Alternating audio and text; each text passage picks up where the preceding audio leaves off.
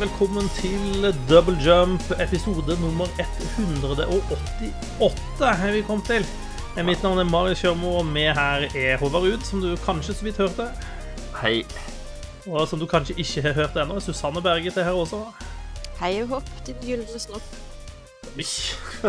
Jeg satt Det og var- tenkte på at uh, Susanne er mer disiplinert enn meg og klarer liksom å la være å si eh, wow når, når du nevner et høyt tall. Eh, Må, må minne om at dette er et familieshow, eh, så vi må styre Nei da. snopp må jo være innafor. Altså, det var en Harry Potter-referanse. Det er innafor. Ja Det er en annen diskusjon vi kan ta senere en gang, tenker jeg. I hvert fall. eh, Det har vært vinterferie, i hvert fall på Østlandet. eh, Mens jeg på var jeg, var jeg midten av Vestlandet, så begynte vi vinterferie denne uka. Jeg har vært sjuk, eh, så jeg er litt sånn halvgrums i, i stemmen. eh, Hvordan er formen deres? Uh, oppadgående. Oppadgående. Ja, helt OK. Helt OK. Ja, mye drit ute og går, så forrige uke hadde jeg ikke stemme i det hele tatt. Nå kan jeg i det minste eh, på en måte gjøre meg forstått, da. Sånn at når jeg klager og syter, så må folk faktisk høre på meg. Eh. For jeg holder jo ikke kjeft, selv om jeg visste stemmen, som en god vestlending, tross alt. Eh, vi skal prate om spill i dag, har vi tenkt. Eh, og jeg har sett noen bilder fra deg, Susanne, av eh, noe mer fysisk aktivitet i stua enn jeg er vant med å se. Eh, stemmer det? Vi har altså gått til eh, innkjøp av en HTC Vive. Eh, og fyrte den først opp på, eh, på kontoret, der hvor vi faktisk har PC-ene våre. Eh, men etter å ha slått neven inn i klesskapet litt for mange ganger og velta en eh, PC-skjerm, så fant vi ut at vi kanskje trengte litt mer plass. Eh, så da var det bare dytte vekk alt av møbler i, i stua og flytte PC-en ut dit og fyre opp eh, Fyre opp herligheten med masser av eh, tomlerom, kan man vel kalle det. ready living room. Yes, yes, yes. Vi kan ikke ha noen gjester på besøk, da, fordi nå står sofaen vår liksom inni et hjørne, mot, vendt mot veggen. Men hvem trenger ordentlige venner når man har VR-venner? Man vil jo egentlig ikke ha gjester. Nei. Og, og hvis det kommer noen, så kan du jo bare trykke VR-settet nedover hodet på dem. Så ser de jo ikke at det er rotete. Mm, det er jo sant. Mm. Nei, så vi har, eh, vi har kost oss, vi. Med først litt uh, Beat Saber, så klart. Du kommer liksom ikke utenom, utenom det i disse dager. Er det så bra som folk skal holde til? Det er veldig gøy. Mm. Til tross for meg som har liksom null rytmesans, eh, null hånd-øye-koordinasjon og to venstre føtter, så eh, var det overraskende gøy. Mm. Og så føler man seg jo jævlig kul der man står, med liksom to lysabler og svinger rundt og tjo og hei. Eh, Ser, ser, til ser det like kult ut å være den som står og observerer eh, den som holder på? Nei, det, det gjør det ikke. Eh, eh, det ser rimelig Det ser rimelig dust ut uten, sånn sett utenfra. Mm. Eh, men når du står der med headsetet på og bare ser hva som skjer liksom, på skjermen, så er det jævlig kult. Ja, det er jo det viktigste. Så har vi Så har vi jo så klart uh, spilt super hot VR. Oh, det, det var litt av en opplevelse. Uh, mm. Jeg likte jo spillet når det først kom ut, så likte jeg det dritgodt. Jeg syns det var Mhm. jæklig kult at du har den mekanikken med at tida kun beveger seg når du gjør det. Som er litt sånn Man skulle tro at det gjør min, spillet mindre stressende, eh, men det gjør det faktisk mer stressende, fordi hver gang du snur huet, så er det en eller annen jævel som har kommet nærmere, og så har du plutselig en kule flyvende mot deg, og så er det bare full panikk. Eh, og den følelsen blir jo bare enda mer forsterka når du spiller det i VR. Eh, fordi da flyr jo kulene faktisk fysisk mot deg. Eh, så det har blitt noen rare hopp og noe eh, legge seg flatt ned på bakken og snurre rundt og eh, Vi har trynt et par ganger fordi vi har liksom satt oss ned på huk kjempefort fordi vi tror vi sitter på, bak et par tønner, og så skal man liksom klatre opp igjen, og så er det jo ikke noen tønner der, så da tryner man. Um, men når, når, ting klaffer i Superhot, i VR, så føler man seg som en actiongud. Det er liksom Det er en John Wick-simulator. Eh, og det er veldig intenst. Eh, man blir skikkelig, skikkelig svett og sliten av det. Eh, men det er jævlig gøy. så det, det, gleder jeg meg til å spille mer av. Vi, nå har vi jo spilt gjennom det, så nå kan vi spille gjennom på liksom høyere vanskelighetsgrad, fordi det er kjempesmart, føler jeg. ja, Superhot er jo et bra spill generelt, og det er et ja, spill som gjør, gjør, seg utrolig bra i VR-format. Ja, ja, det, det, jeg syns de har virkelig fått til en, en, bra versjon som funker bra med, med den teknologien. Nå har jeg mm. liksom mm. hoppa ned og gjemt meg bak tønner og tjo og hei, og nå har jeg så sykt vondt i lårene. Jeg er så støl. Mm. At jeg skulle tro jeg hadde vært liksom på fjelltur. Driver og klatrer rundt i, i Jotunheimen. Eh, nei, jeg har ikke det. Jeg har uh, sittet på, på, gulvet i stua og prøvd å unngå kuler. Ikke verst. Eh, Superhot VR, det, det, er egentlig et, et, annet spill enn Superhot, er det ikke det? Altså, de, har, de har på en måte lagd en, en, ny versjon av spillet til VR, stemmer ikke det? Mm. Ja. Så den har en litt annen, litt annen flyt og litt annen mekanikk, så klart. Og litt annen historie også, på en måte. Mm. Uh, men jeg er kjempefornøyd med hvordan de har fått det til. Mm. Fordi det funker så sykt bra. Så har vi også spilt uh, et lite spill som heter Gorn. Uh, Hva er det for noe? Det er et sånt arena slåssespill hvor du slåss med en gjeng sånn filledokker i, i bare overkropp som kommer løpende mot deg med klubber og sverd og skjold og pil og bue. Så er det, gjelder det egentlig bare å overleve. Um, og det er jævlig gøy. Fordi det er så teit. Du står bare liksom og denger, denger, løs på folk, og når du har slått de i svime, så kan du løfte de opp og så bruke de til å denge løs på de nye fiendene med. Det er overraskende tilfredsstillende. Kult.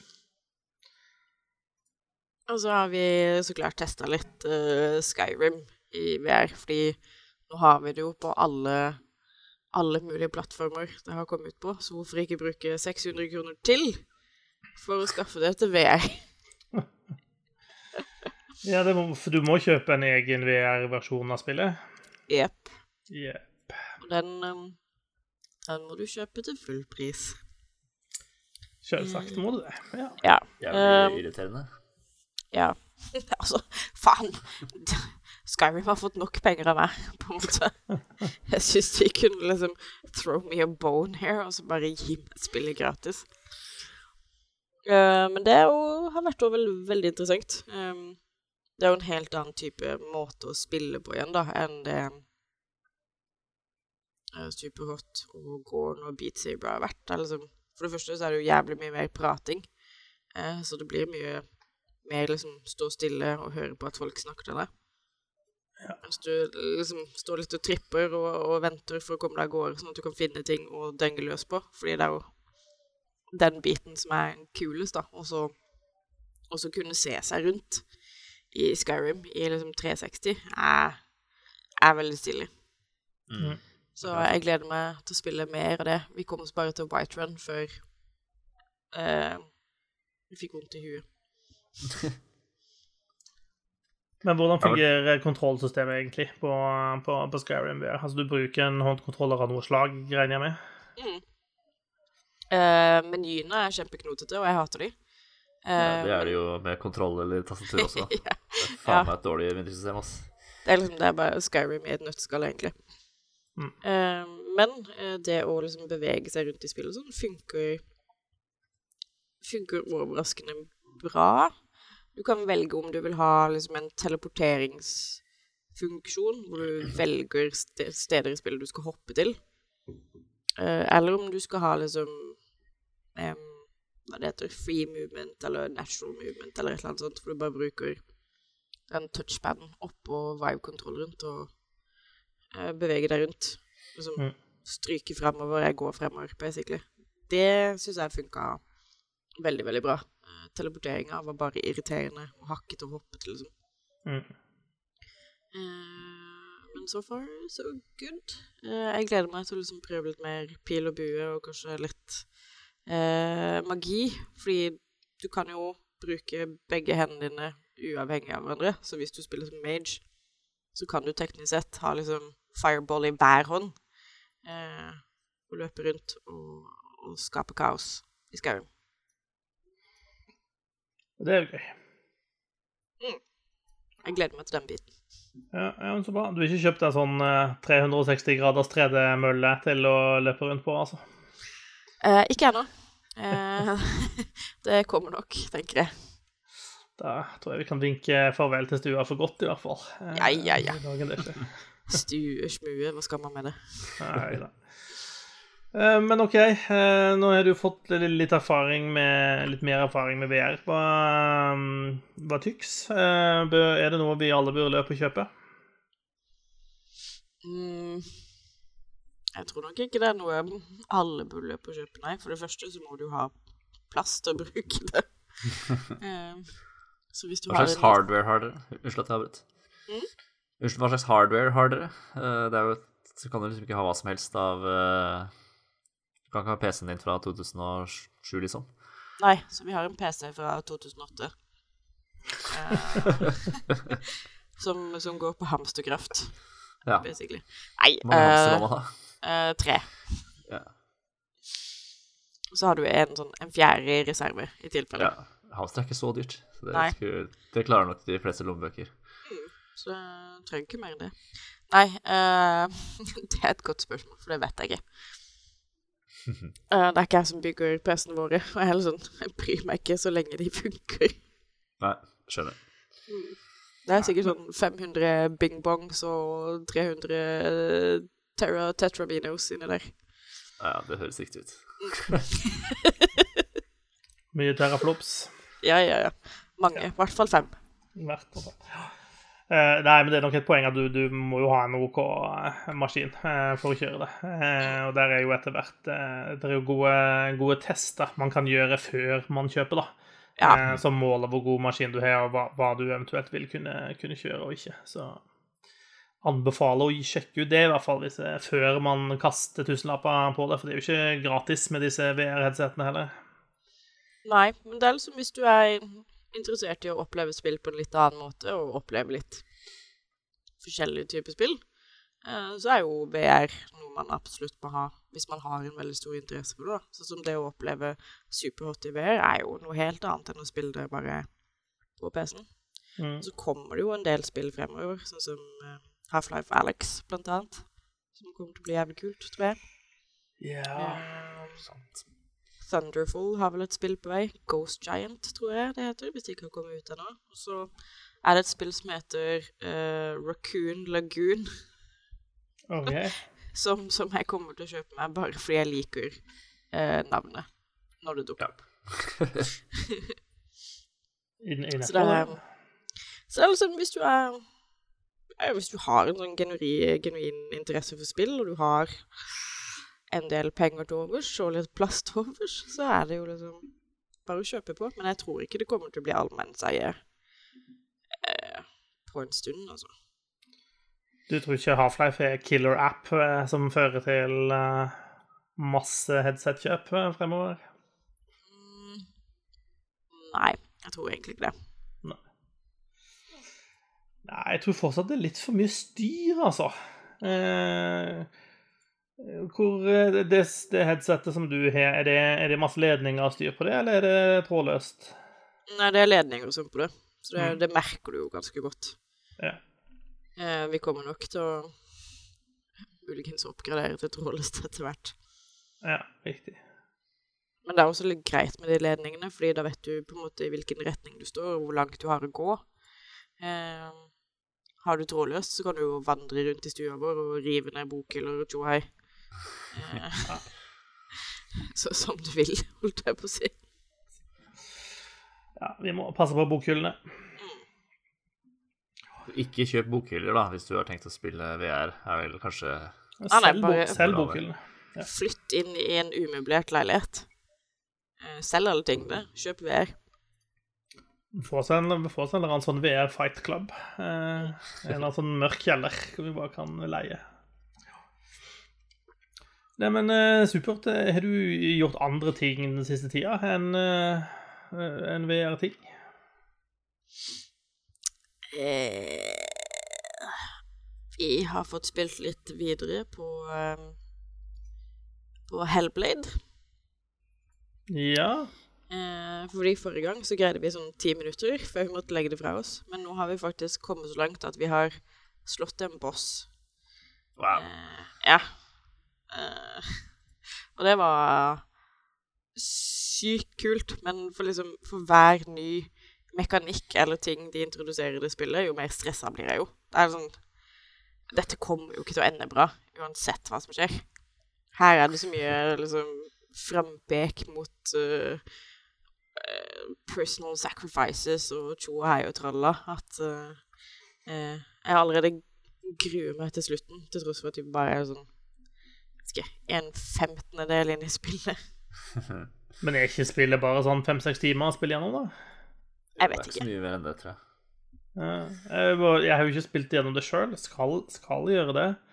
Eh, men det er litt rart at du hører for- Fordi begge dere to har begynt på dette spillet uten å ha spilt det ferdig ennå. Eh, jeg har liksom blitt, blitt solgt på at det er en sånn en kjapp ting å spille gjennom. Men eh, det høres ut som det er litt, litt effort likevel. da. Jeg tror, for min del så tror jeg bare liksom Jeg ble avbrutt, på en måte. Eh, og så glemte jeg det, og så nå har det gått litt for lang tid. Så nå føler jeg at jeg burde begynne helt på nytt, da. Mm. Eh, og det er jo ikke sånn kjempeterskel, da, i og med at eh, det er ikke så mye lenger enn seks timer, tror jeg. Mm. Jeg er Nei, men av det, av det lille jeg har spilt, så, så liker jeg det skikkelig, skikkelig godt. Det er, liksom Det er min type spill. Veldig atmosfærisk. Veldig sånn eh, weird-ass historiefortelling. Fordi du kan jo ikke stole på historiefortelleren overhodet. Eh, Senwa er badass som faen. Og Mhm. liksom De gangene du havner i en slåsskamp det, bare, det ser så kult ut. Angrepene hos henne er så stilige. Så det er kjempegøy, til tross for at jeg er dritstressa.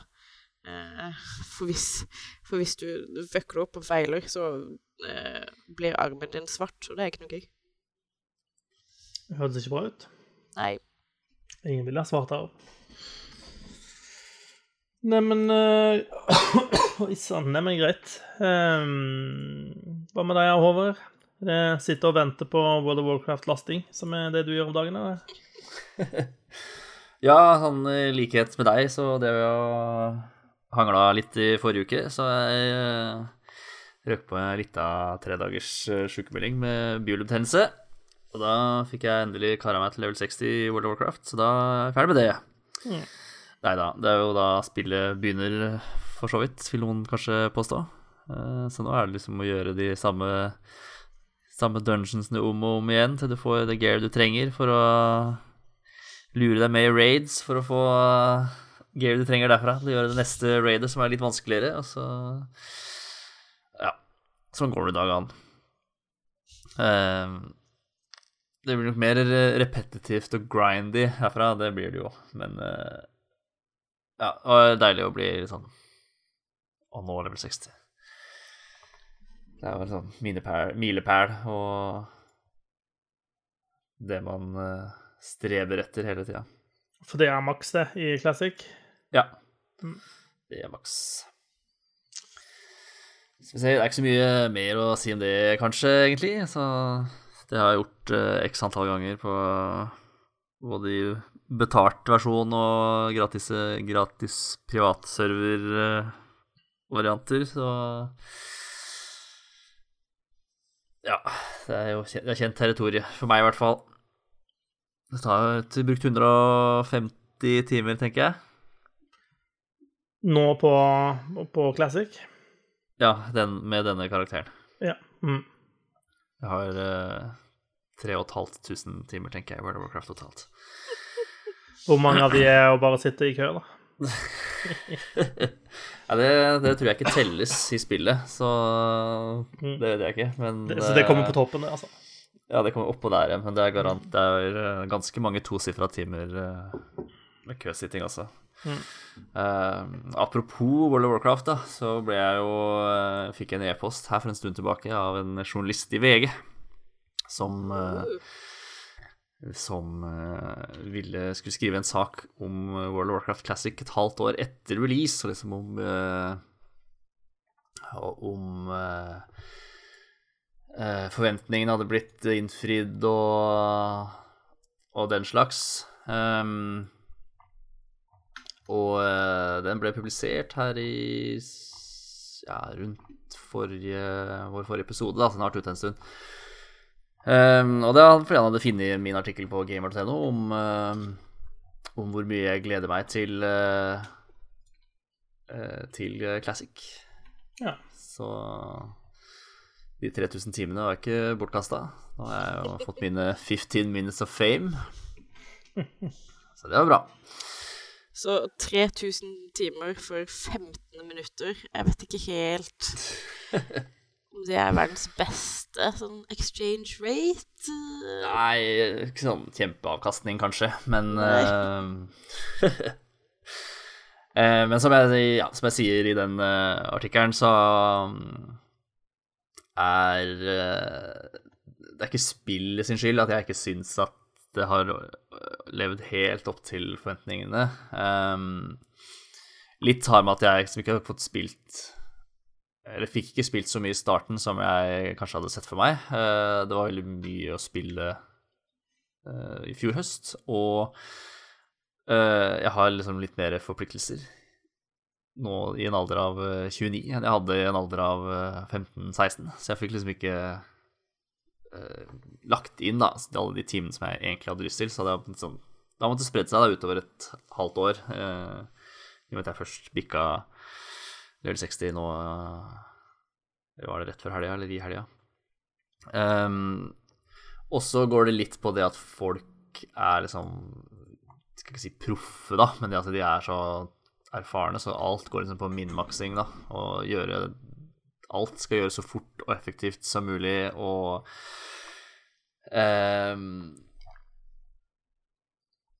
så ja, det, det mista litt, sånn, litt av den personligheten, da. Eh, når man går, går, en hule, så vet alle alt man skal gjøre til enhver tid. Eh, og så ofte så mister man mye av den, liksom, det sosiale som jeg syns man hadde før, da.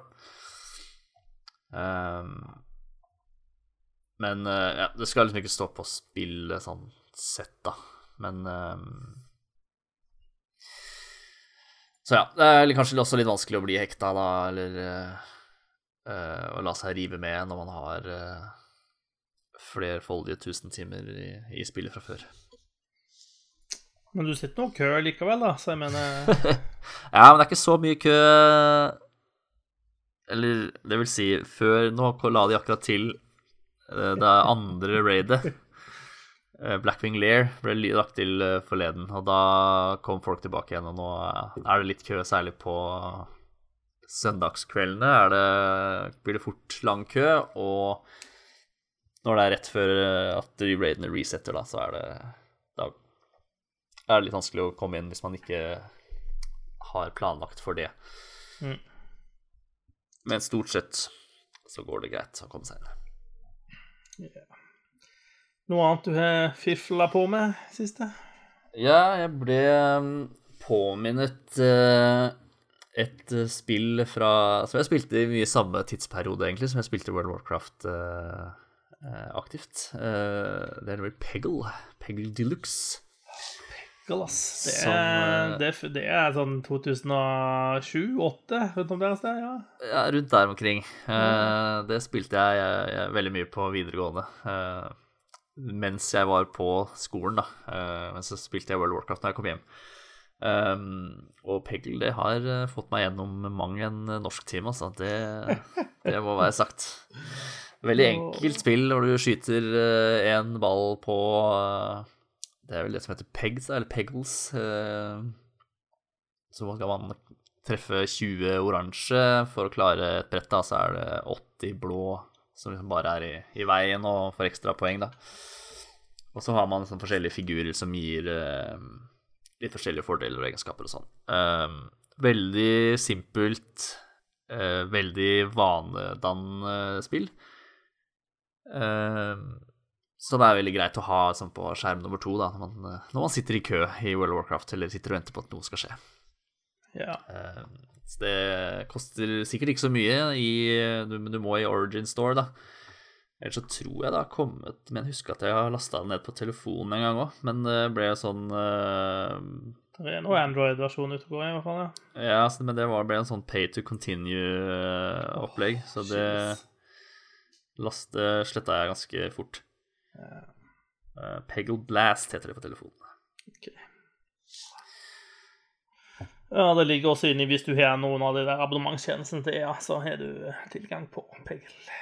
Ja, det vil jeg tro. Det regner jeg med. Eh, og bortsett fra det så har jeg starta på Witcher 3 i, igjen, får jeg vel nesten si. Der altså fikk jeg lagt inn en ti timer før jeg ja, ble forstyrra og begynte med noe annet- andre Ana og glemte av, eh, glemte av hele greia. Så der måtte jeg begynne på nytt da, da jeg skulle ta det opp igjen. Eh, og eh, jeg tror jeg Jeg tror ikke jeg liksom Jeg tror jeg blæsta litt for fort gjennom eh, tutorial for, eh, første gangen. Fordi jeg syns ikke liksom, folk har skrytt av liksom, kampsystem og sånn, men Og det, jeg syns liksom ikke det var noe var noe særlig, da. Men mens man liksom tar seg litt bedre tid og bruker den der sidesteppen i stedet for bare rulle, så blir det litt eh, mer flytende og eh, artig, da. Så vi får se om det blir eh, om jeg klarer å komme gjennom denne gangen. Ja, får eh, kaste en peng på deg og se om det blir noe av. Mm. Ja, gjør det.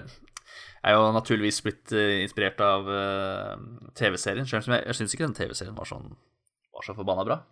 Hei. Eh, Hei. den, er ku, den er kul, liksom. Eh, Henry. Cavill gjør dritbra rolle som, uh, som Gerald. Um, og uh, nå står det stille, jeg husker ikke hva hun som spiller Jennifer uh, heter, men hun også er jo drittkul. Men det var liksom så episodisk. Jeg syns ikke, sånn- ikke det var godt fortalt, da. Um, hvor de liksom bygger opp historien til Jennifer og hun eh, Siri. Uh, og så kommer de på at uh, ja, men den serien handler jo egentlig om Geralt, så han må også gjøre noe, så vi sender han bare bort hit for å banke opp noen, og så må han bort der for å banke opp noen. Og jeg syns ja, det er veldig tydelig altså, at de bygger opp til en sesong to, som jo er bekrefta. Så jeg har forhåpninger til sesong to, og at uh, sesong At de dessverre kanskje måtte bruke sesong én som en slags transportetappe. Um, så får vi se hva det blir til. Uh, jeg har også begynt å lese Witcher-bøkene. Jeg syns ikke de er sånn kjempebra heller. Uh, I hvert fall ikke den første. Men de er jo ikke sånn kjempebra. Uh... Nei, Jeg håper du skjønte i TV-serien at de hoppa frem og tilbake i tid, ikke sant? Ja da, ja da, det skjønte jeg. det, Men, det er, eh, men det var ganske slitsomt, syns jeg. I Men eh, ja, det var, ikke så, det var ikke så lett å skjønne det sånn umiddelbart heller. Men uh... Speak for yourself. jeg er ikke like smart som deg, vet du. Ikke Tidsreising er det verste som fins. Sånn er det bare. Men uh, Nei, jeg likte TV-serien godt, jeg. jeg synes, eh, og så er det litt sånn eh, Selv om man ser ting fra Geralt sitt perspektiv, så er det ofte sånn i de Witcher-fortellingene at uh, det er ikke nødvendigvis han som egentlig er midtpunktet i handlingen, på et vis. Han bare dumper borti ting som foregår rundt han, eh, og så ender Ja. han opp i trøbbel. Eh, og det er litt sånn, og det, det syns jeg gjenspeiles fint egentlig i TV-serien også. Og Jeg syns Ja. det er helt, helt greit at ikke alt skal spinne rundt uh, Geralt, for Geralt er egentlig ikke en så spennende karakter, egentlig. Liksom, han, Han er er, flink kul til for det å- han er. Men, eh, Flink til å slåss, liksom. Og når han får gjøre det, så er han jo amazing. Men jeg jeg syns det var litt mer interessant å følge med på uh, disse andre folka. Det blir spennende å se hva som skjer i sesong to. Nå har det jo blitt Det har vel blitt bekrefta at Mark Hamill skal spille Vesmir. Og Christopher Hivju har vel også fått en rolle, tror jeg. Ja, det er sant. Så det er spennende. Jeg gleder meg. Eh, Ja, altså. Forhåpninger til sesong, sesong to, selv om eh, jeg ikke falt helt for sesong én. Men jeg falt ikke helt for sesong én av Game of Thrones første gang jeg så det heller, så kanskje jeg skal se Men la oss nå ikke sammenligne alt med Game of Thrones, da. Nei da, Eh, nei da, det var ikke meningen å gjøre det heller. Det var bare at jeg har sett uh, ting som egentlig er uh, megabra, og ikke falt for det første gangen. Det var det jeg mente. Ikke at uh, dette skulle være Det er, det er veldig mange som har dratt den eh, Netflix sin eh, Game of Thrones-killer uh, Ja, Men eh, det er bullshit, ass. ja, det er ikke helt, ikke helt sammenlignbart, eh, akkurat. Men eh, selv om det er fantasy begge deler. Ja, ja. Kanskje du rekker å spille gjennom eh, Witcher 3 da, før eh, sesong 2? Ja, det kan jo være et uh, slags mål. Men med så, så raskt du går frem med Death Stranding, så skal ikke jeg holde pusten, altså. Men uh... Nei, men kanskje jeg syns uh, Witcher 3 er bedre enn Death Stranding. Det, det ville ikke vært kjempekontroversielt å mene. Men. Og, og da blir det jo straks uh, meget mer motiverende. Ja, det kan jeg skjønne. Uh, Sjæl har jeg ikke spilt veldig mye nytt. Uh, men jeg har spilt ett nytt spill. Uh, jeg har spilt uh, Cultist Simulator. Ikke et, jeg spiller ikke for så vidt nytt, da, men det er nytt for meg. Det kom ut for halvannet år siden. Eh, nesten to år siden, faktisk. Um, men er allikevel et uh, Det har vunnet litt priser og sånne ting. Nominert til BAFTA og sånt. Um, det er Altså, i bunn og grunn så er det et digitalt brettspill. Ehm, hele spillebrettet er på en måte et bord som du kan bevege deg fritt rundt på. Um, og der eh, får du etter hvert mange kort. Eh, og så er det en del sånne handlinger du kan gjøre med disse kortene, som bruker tid. Og da har du sånne countere som, som tikker ned på at disse handlingene skjer. Og så handler egentlig hele spillet mer eller mindre om ressursmanagement, hvor, uh, hvor der tid da er viktig. Um, det er ulike starting-scenarioer, men i praksis så handler det om at du skal, av en eller annen grunn, eller av ulike årsaker, så skal du starte din egen kult. Eh, Og du skal rekruttere folk til å bli med i kulten, og du skal oppdage litt sånn hemmelig, gammel eh, kunnskap. eh, Og mens du gjør dette her, så må du liksom hele tiden passe på at du tjener inn nok penger til å holde dette skipet flytende. Du er nødt til å passe på din egen fysiske og mentale helse. Og du må også passe deg for sånn kjipe etterforskere som kommer og vil stikke kjepper i kulthjulene dine. Em, store deler av spillet handler om å se disse timerne tikke ned, egentlig. Vente på at de skal komme inn, og så liksom iverksette nye uh, handlinger uh, når de er klare. Um, de deler det på en måte opp i Altså, det er ulike sånne timere, da, men eh, du har en som er type arbeidstimeren, jobb, på en måte, og det er ulike jobber du kan ha, måter du kan tjene penger på. Em, så det er en som heter, jeg tror den heter Dream, eh, som du gjerne bruker til altså ting du gjør når du sover og eller slapper av, egentlig. Eh, sånn at hvis du får en skade, eksempel, så kan du ved å kombinere noen kort i liksom, Dream-counteren, eh, så kan du da lege den skaden din, eh, men du kan også bruke den til å komme deg inn i en sånn mytisk drømmeverden og skaffe deg liksom eh, sånn mystisk kunnskap gjennom den. Eh, det er en etterforsknings- eller en utforskningsbit, eh, og så er det en sånn research-bit. Eh, og så er det en sånn kommunikasjonsbit. Og liksom så kombinerer du da ulike kort i de ulike counterne for å gjøre ulike ting. Og det, sånn, ved første øyekast så ser det litt sånn banalt ut, og det er vanskelig å forklare det, men det er, en, det er ganske bra dybde i det spillet, da. Eh, og det har en veldig sånn der eh, eh, Å ja, men jeg skal bare gjøre ferdig én ting til eh, før jeg gir meg, og så er det plutselig har du sittet der i fire timer eh, og klikka på disse kortene. Um, så der er det noe de har fått ordentlig bra til på, akkurat den biten der. Um, det er noen ting de kunne ha gjort bedre. Det er noen sånne UI-greier som uh, Fordi de bruker en del altså, De bruker tags. Altså de ulike kortene er på en måte tagga med forskjellige aspekter. Uh, og det er ikke alltid like åpenbart hvilke kort som har hva, og på en måte hvordan du skal kombinere for å uh, komme deg videre på et eller annet vis. da.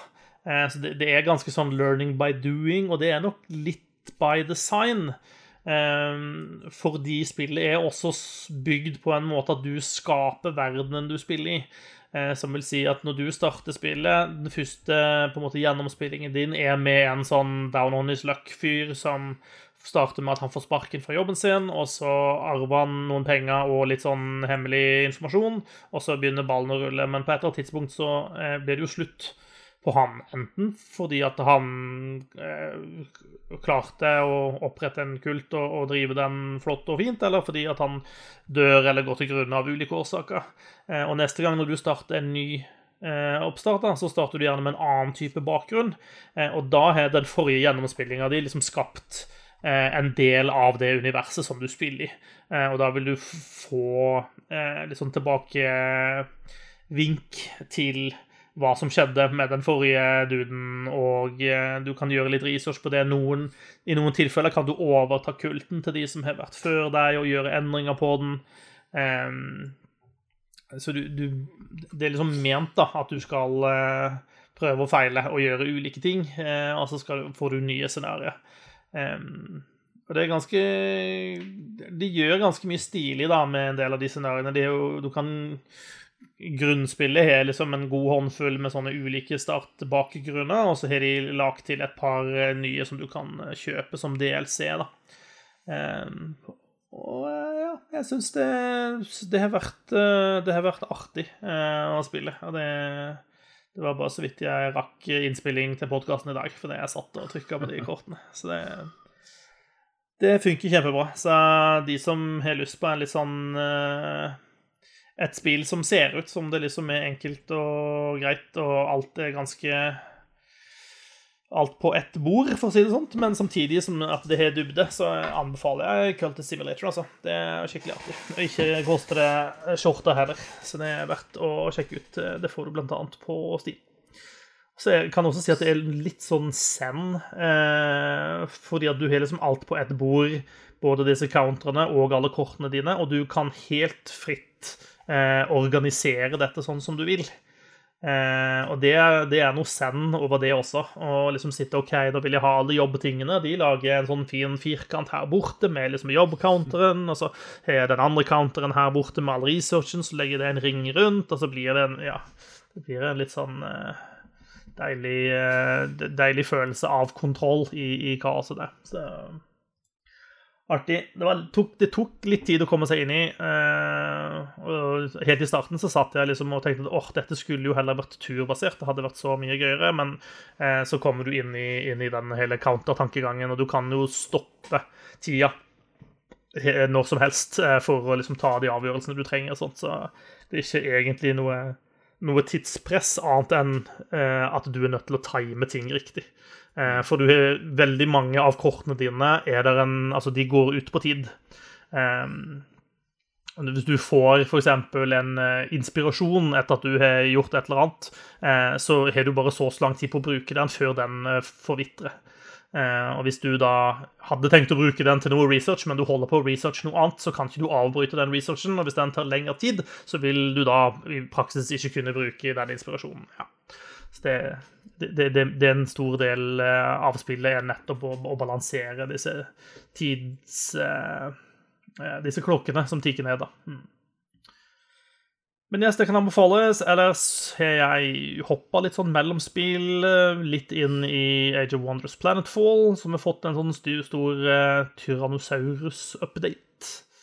Uh, så der er det flere monstre i spillet. Uh, fortsatt et ganske stilig spill. Eh, jeg har også spilt jeg har hatt en del bra achievement runs i Europa Universalis 4, for de som bryr seg om sånt. Eh, blant annet så har jeg eh, forent hele den muslimske verden med det ottomanske riket. Eh, og jeg har også oppretta Bare en achievement som er å starte som Firenze, eh, og så opprette eh, den egyptiske nasjonalstaten. Og det gjorde jeg.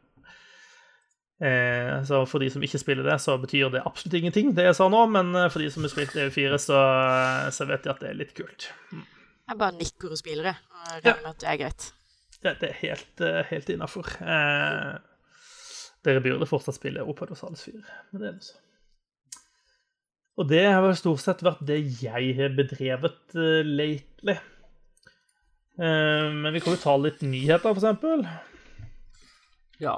For det skjer jo det skjer ting rundt i verden, og en, det som nok preger spillbransjen mest akkurat nå, er jo uh, covid-19, det såkalte koronaviruset.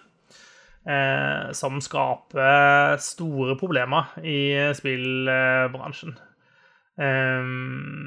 Mange spill som blir utsatt på grunn av det.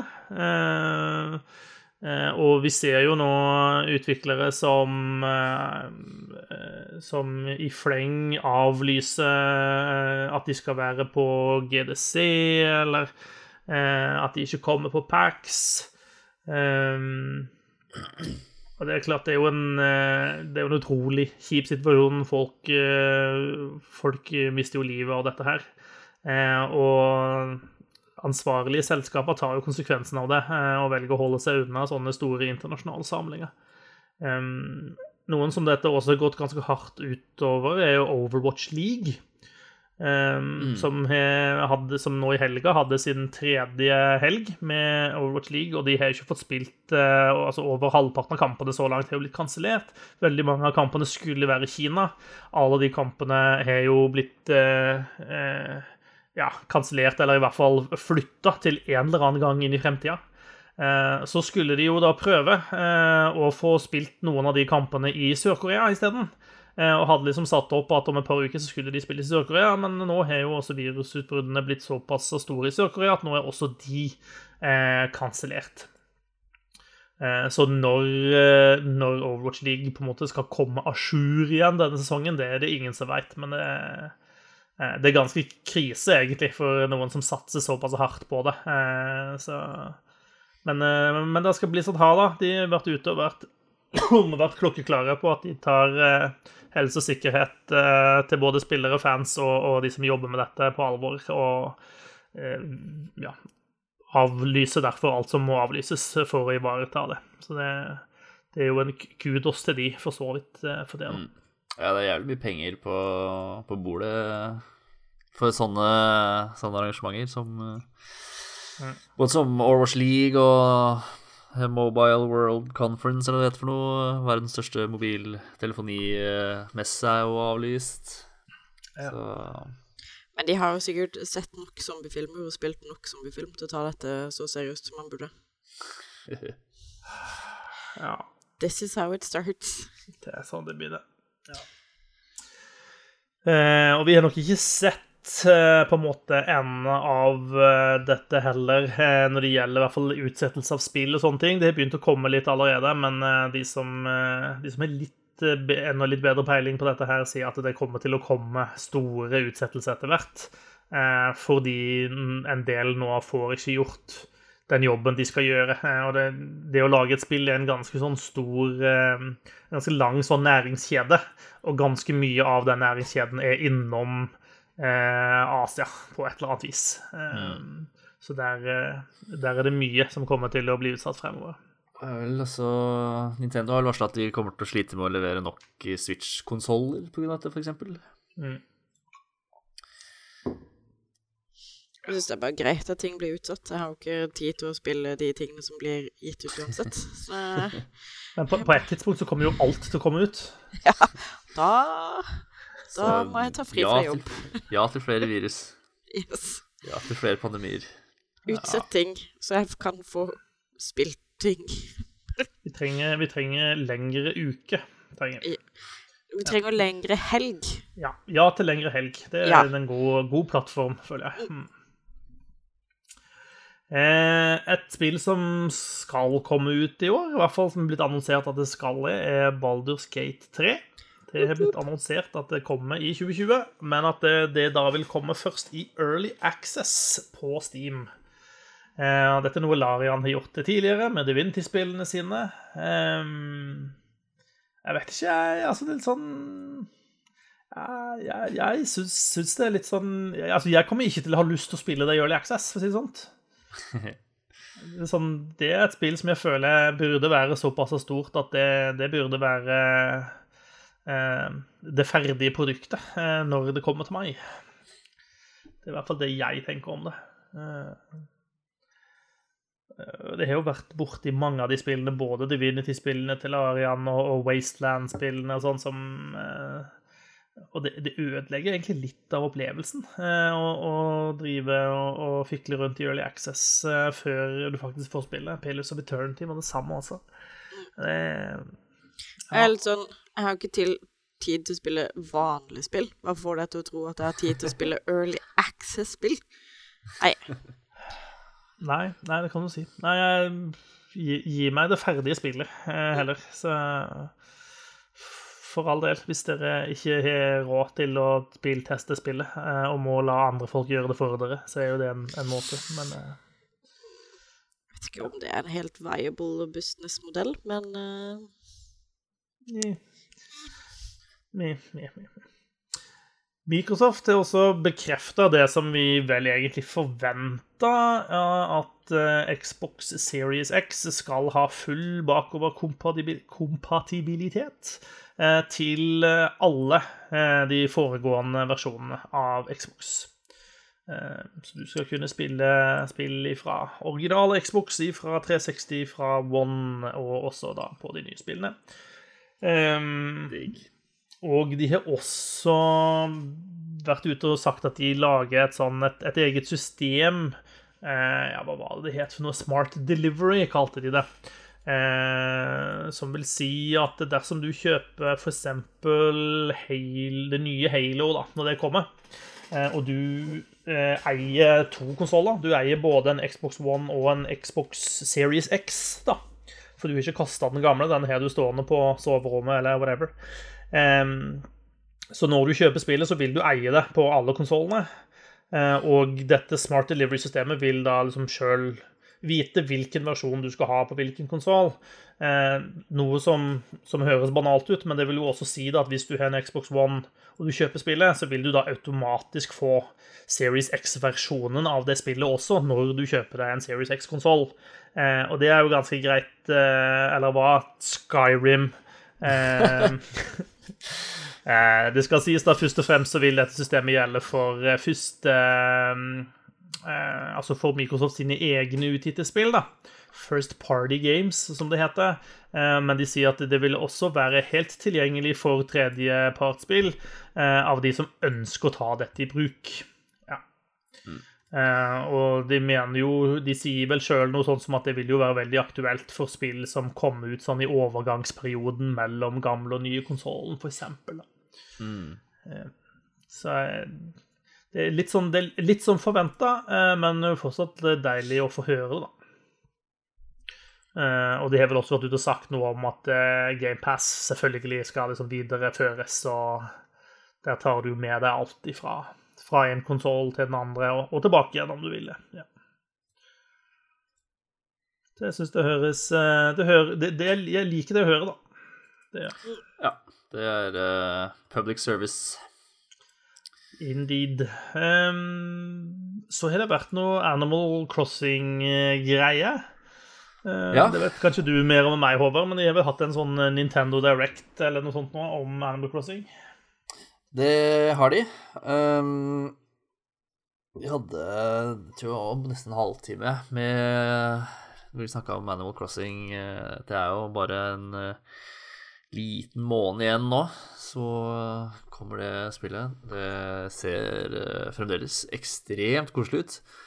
Um, og um, ja, det var jo sånn, ganske mye informasjon i den videoen, men det er sånn Det ser jo ut som det blir et uh, Det blir et Animal Crossing. Uh, yes. Sånn uh, Kanskje den største kulsnyheten som jeg syns, var at nå kan du påvirke hvordan den øya di skal se ut, da. Så du kan sånn grave i en Grave i en elv hvis du vil, eller grave en ny elv. Og legge inn trapper så du kommer deg opp på høyder hvor der du vil. Uh, og sånn, og det tror jeg Det er jo kjempefint. Eh, for du velger deg liksom hvordan et, et slags utgangspunkt, og så når du, når du starter spillet, så kan du tilpasse det sånn som du vil, da. Um, og ellers så var det litt sånn introduksjon av progresjon og hvordan du tjener valuta, så du kan kjøpe deg møbler og utstyr og eh, og sånn. Um, og ja, eh, ja, jeg vil anbefale å se den eh, videoen. Den er eh, så søt så at du eh, risikerer å få diabetes. Såpass. Ja, ja. 20. mars. 20. mars. En ting som var kult da, var at eh, de kommer til å gjøre forskjell på uh, For dette spillet håper jeg, følger klokka eh, så, og kalenderen. Så når det er vår i virkeligheten, så er det vår i spillet. Og når det er sommer i virkeligheten, så er det sommer i spillet. Og her eh, i eh, New Horizons, som er det sted som kommer til Switch, så vil det gjøre forskjell på om det er på den nordlige eller sørlige halvkule. Sånn at da blir det jo omvendt, slik at det er eh, sommer i, på vinteren hvis du er på sør, sørsida.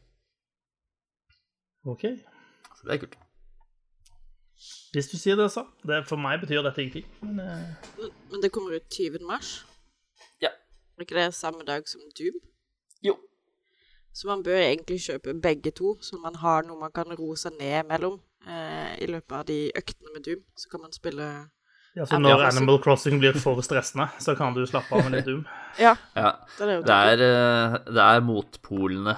eh, To motpoler som kommer ut den 20. mars.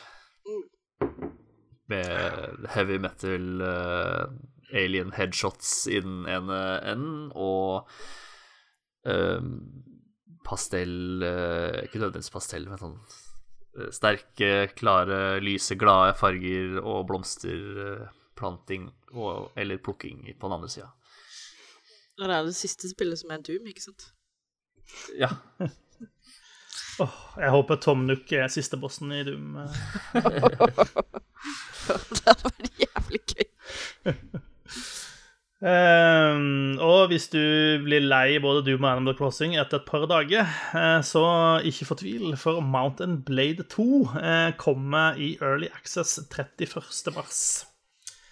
Eh, Mountain Blade 2 Bannerlord ble altså annonsert i september 2012. Det er noen år siden, eh, og det har vært i utvikling lenger enn det. Um, så det har vært en forferdelig lang vei, eh, men nå nærmer det seg veldig. Det har vært en utrolig sånn etterlengta oppfølger til, til Mountain Blade. Eh, Og det har vært veldig ambisiøst hele veien. Eh, Men nå er det endelig straks her. Eh, Jeg gleder meg til det, men fortsatt litt skeptisk til Early Access, da. Det skal jeg, skal jeg innrømme. Men ehm, jeg tror det blir kult. Det Mountain Blade-spillet kombinerer på en måte ehm, strategielementer med eh, litt sånn action på slagmarken-elementer. Eh, og så soper det alt dette sammen i en sånn en slags eh, real-time sandboks, sandkasseverden med et eget økonomisystem og sånne ting. Som er, det er en ganske kul sjangerblanding, egentlig. Eh, og, og første Mountain Blade og litt sånn med påfølgende Warband som, som kom ut til det etterpå. sånt, og Bare veldig preg av å være veldig indie-spill, da.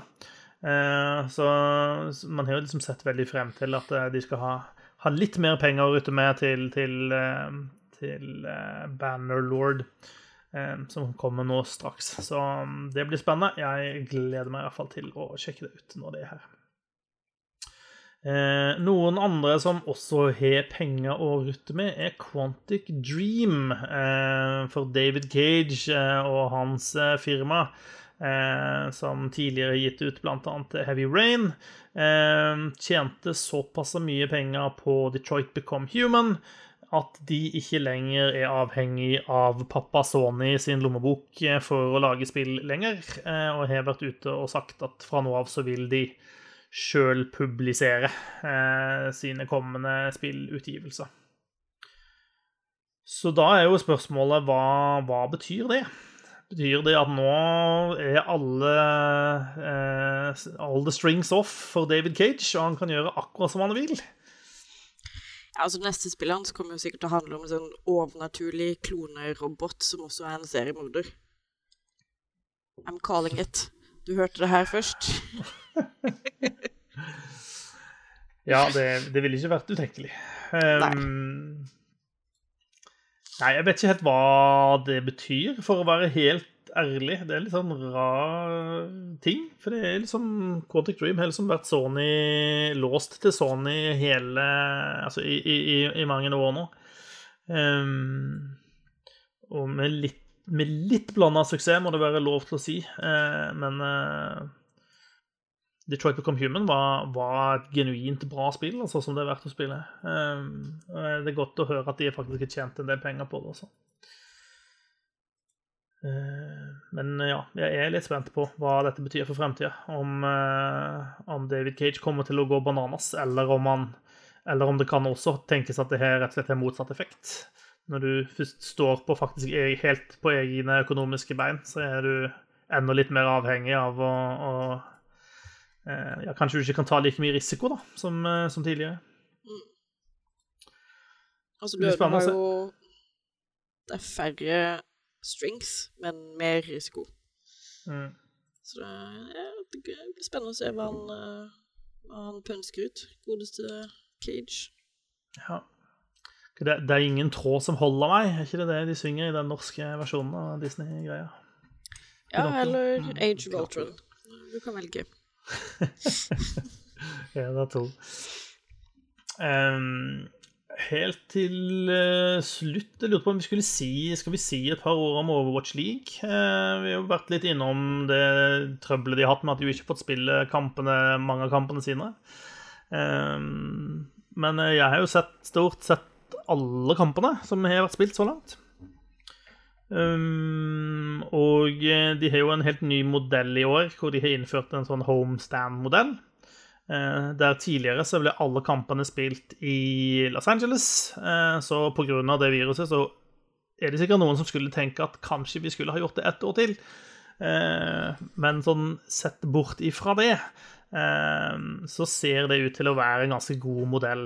Og det vil si at det er et litt mer sånn omreisende sirkus Eh, det er ikke sånn at eh, alle lag spiller alle sine kamper på, liksom på hjemme- eller bortebane, sånn som man kanskje ser i en del andre idretter. Men eh, det er sånn at um, den første altså En helg så er man, i, er man i New York, og så spilles det en, en del kamper der. Og da er bl.a. New York-laget på en måte med å spille et par av sine kamper der. Så er man i en uke i, i Philadelphia, og så er man i en uke i Texas. Eh, og ideelt sett så, skulle man jo hatt flere sånne parallelle eh, homestands, da, sånn at man kan veksle mellom de. Eh, det starta litt sånn røft med en del litt sånn tekniske problemer.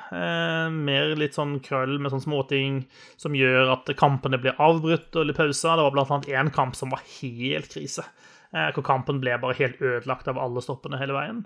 Eh, men de har liksom fått rydda opp i det, da, og, det som var i helga, var, var kjempesmooth.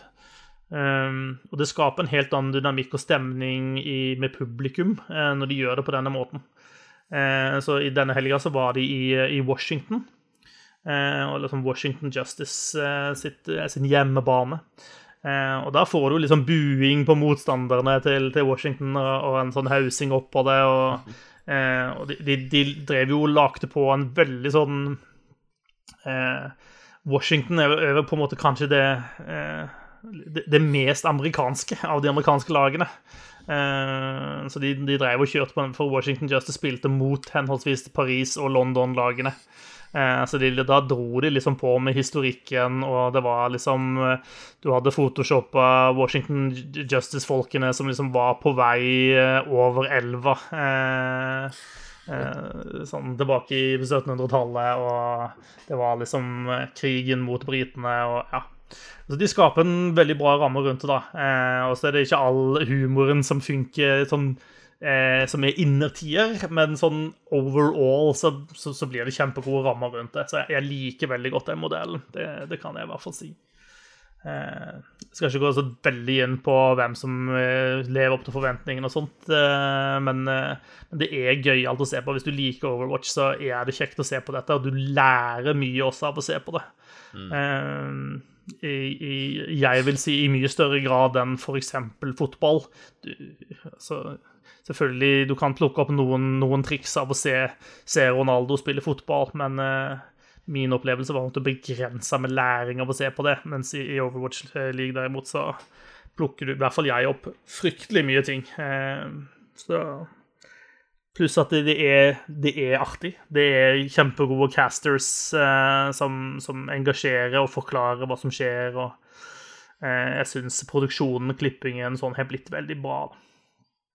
Og de prøver eh, å få mer personlighet inn i det, og det tror jeg er kjempeviktig. Eh, det første, første, sesongen, kanskje de to første sesongene, så var det veldig Spillerne var veldig avskjerma. Eh, men jeg tror de har skjønt etter hvert at de er nødt til å på en måte selge spillerne mer da, til, til publikum. Eh, mm. Det det gjør de i større grad, og så er det jo opp til hver enkelt spiller hva man ønsker å gjøre ut av det.